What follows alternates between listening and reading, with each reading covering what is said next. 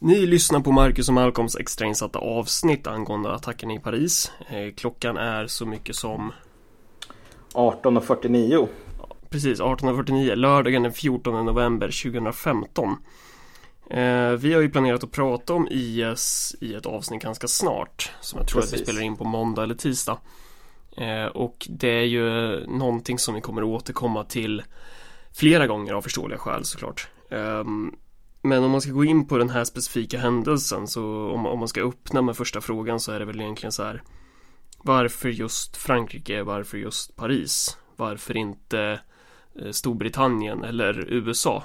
Eller kanske ännu eh, större fråga, varför inte Ryssland? Med tanke på att det är ryssarna som är nere på marken i Syrien och bombar skiten ur IS just nu. Ja, eller uppe i luften mest. Ja, just det, ja precis. Men Ja, nej, men det finns väl lite olika anledningar kan jag tänka mig. Och en, man kan väl börja med den uppenbara först. Att Frankrike är ju en av dem i koalitionen som faktiskt håller på och bombar i Syrien och så.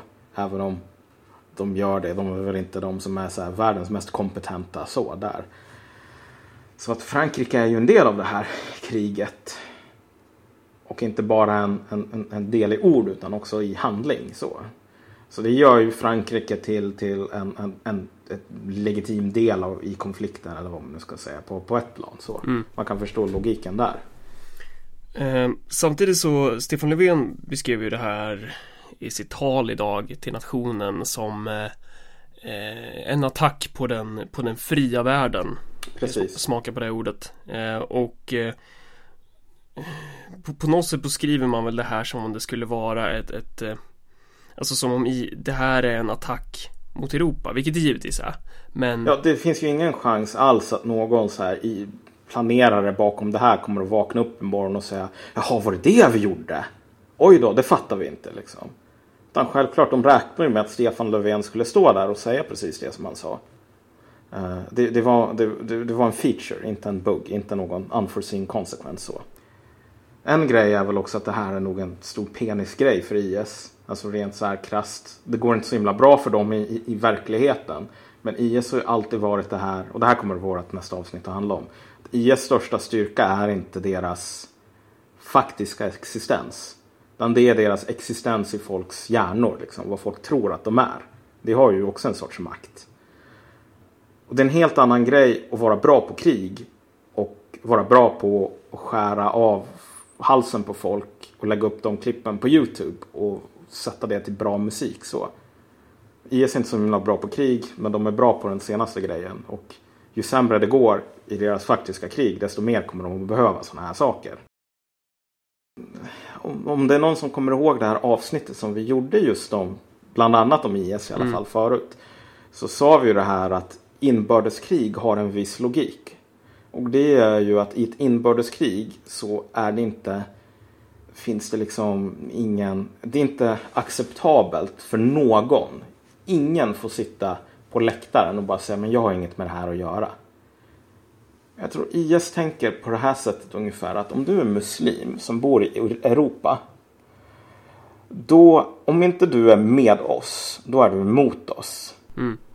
På ett sätt som om jag är fransk kung och invaderar typ Österrike eller någonting. Jag kommer inte ha samma inställning mot så här österrikiska bönder. För jag vet att de har liksom ingen, så här, okej okay, att de inte stödjer mig, det är okej. Okay. De behöver inte göra det. Därför att de är inte mina undersåtar. Eller de, de har ingen lojalitet till mig. Men IS ser det här som ett krig mellan där de talar för alla muslimer. Ja. Och de som de inte talar för, de är inte muslimer. Så, så att en annan sak som är en feature och ingen bugg i en sån här attack. Det är ju bara att det här kommer att leda till ökade förföljelser av muslimer i Europa. Och det tycker de inte är något tråkigt. Det tycker de är bra. Du förtjänar att bli förföljd. Om du är en muslim som bara vill leva ditt liv liksom, eller som inte tycker om, om, om IS. Du förtjänar att bli behandlad eller på vilket sätt som helst eller stoppa ditt getto eller mördad. Så. Enligt deras inbördeskrigets logik. Precis. Eh, och det är väl också därför man ska förstå växelverkan mellan eh, Islamiska staten och de politiska rörelser som blivit väldigt, väldigt, väldigt starka i Europa igen.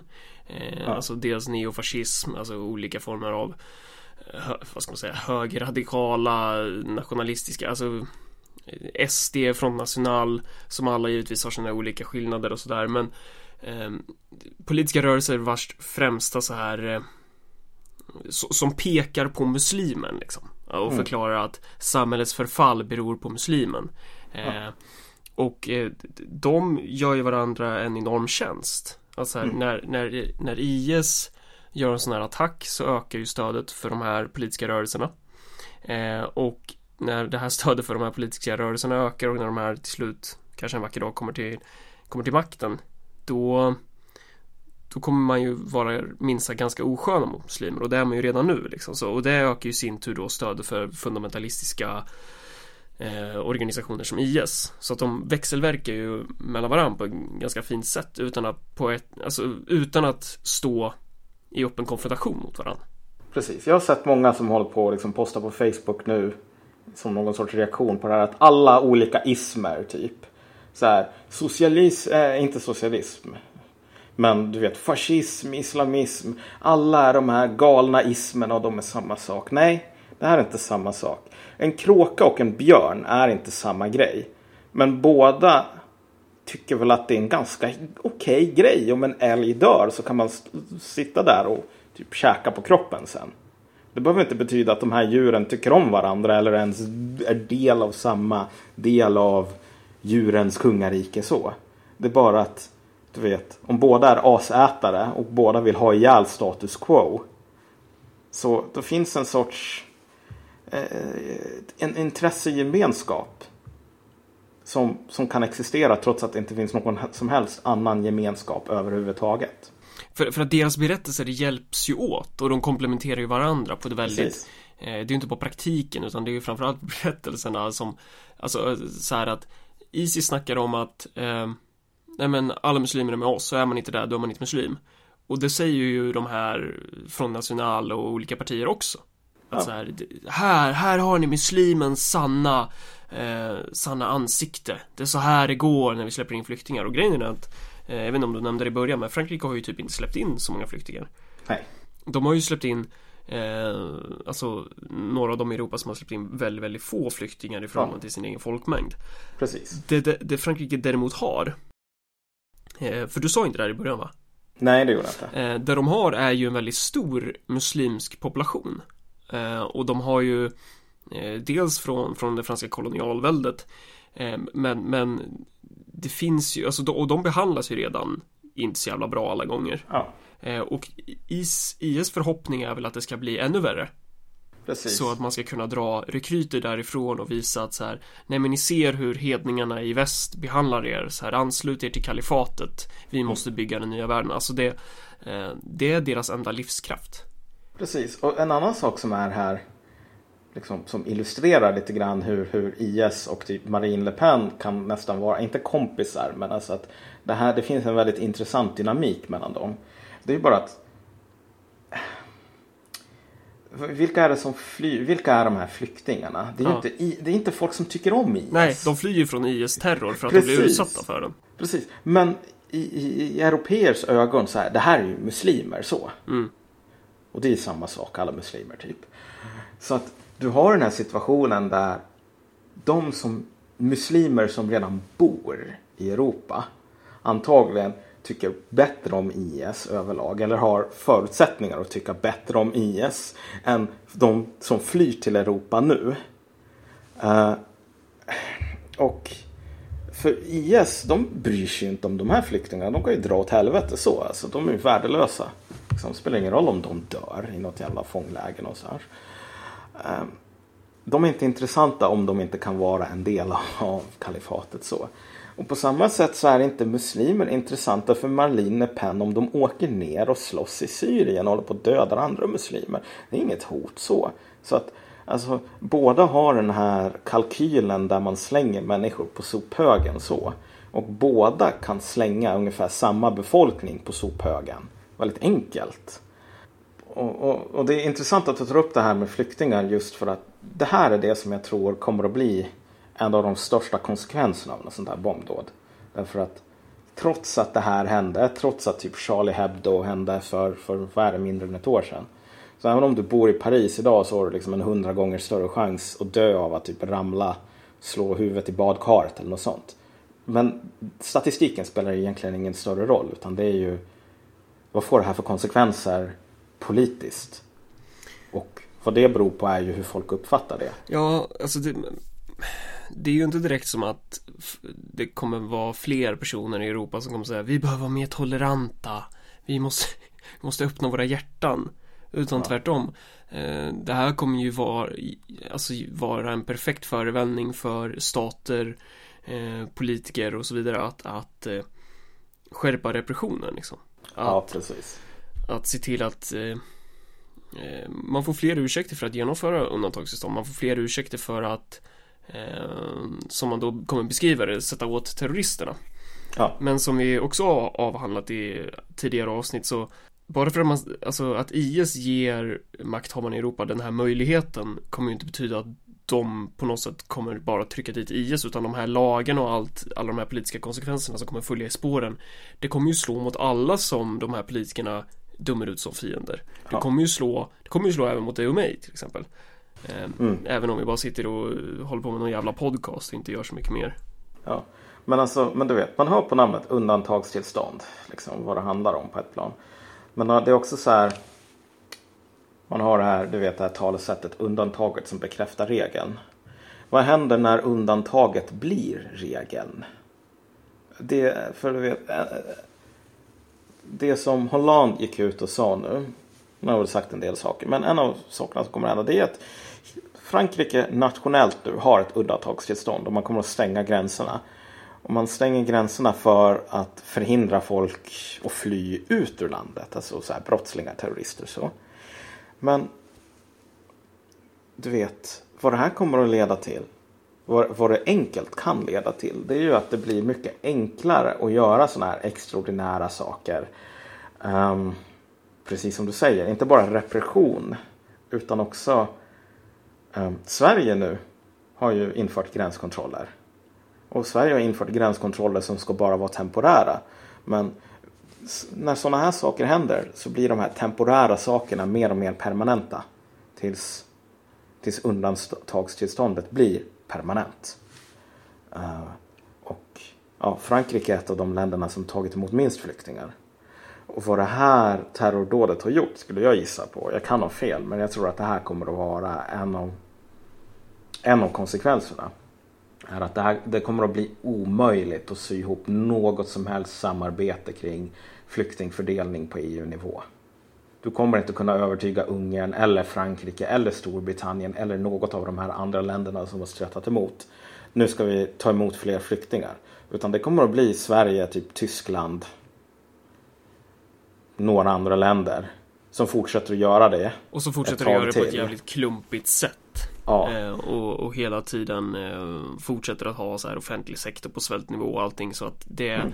det är så jävla öppet mål för Sverigedemokraterna och så vidare. Precis, ända tills, ända tills normaliteten faller sönder även här mm. och tills du måste göra de här undantagen. Och nu är ju ja, gränskontrollerna som vi har nu, det är bara menat att vara ett undantag också. Mm. Men du vet, det är som om du tänker dig en schweizerost. Du har ost och sen har du hål. Mm.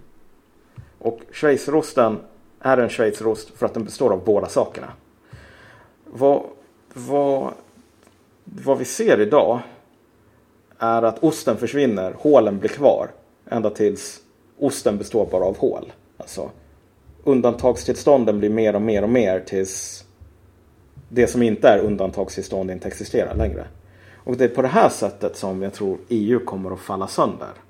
Som det håller på att falla sönder mm. idag. Att och då menar vi ju inte bara att, att den här händelsen orsakar det utan mer att nej, det nej. här är en del av en större utveckling. Precis. Alltså, det gick redan innan det här hände mm. så gick det inte att samarbeta kring de här sakerna. EU-samarbetet visade sig vara EU-icke-samarbetet.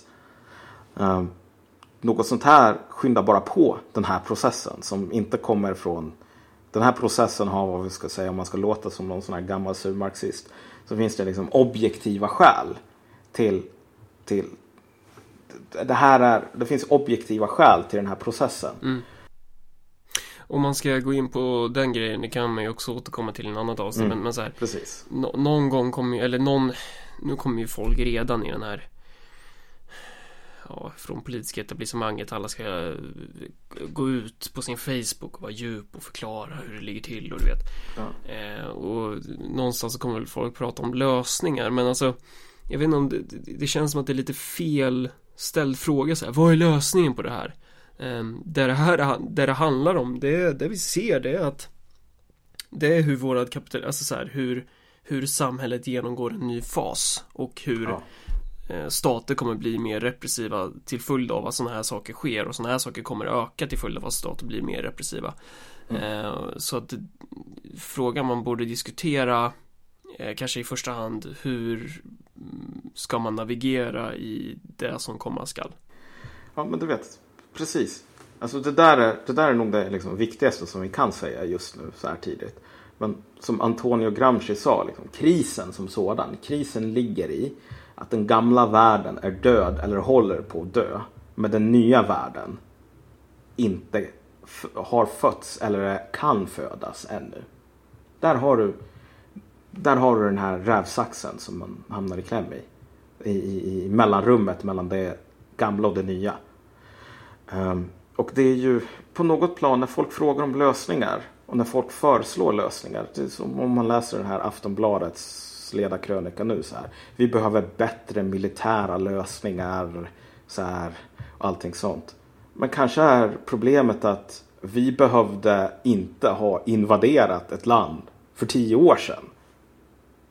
Om det är problemet då finns det ju ingen lösning som man kan göra nu. Så, Nej. så att idén om att alltså lösningar kräver alltid ett, ett perspektiv på förhand. Mm. Och om man inte kan ställa sig frågan, kanske är det här perspektivet inte gångbart längre. Då är, då är det mycket möjligt att det inte finns några lösningar så. Mm. Utifrån det perspektivet. Ja. I det här avsnittet så försökte vi bara väldigt kort tala lite grann om våra här, första tankar, första kommentarer kring det som har hänt nu. Uh, men det här är inget riktigt avsnitt så, utan det är ju något extra insatt i det nästa ordinär, ordinära avsnittet så kommer vi göra det som vi hade tänkt ett ganska långt tag. Och det är det här IS som en hype-maskin. Som vi, IS som föreställningen om IS. Mm. Som de är. Som mediala genier kanske? Precis. De är de största mediala genierna mm. idag.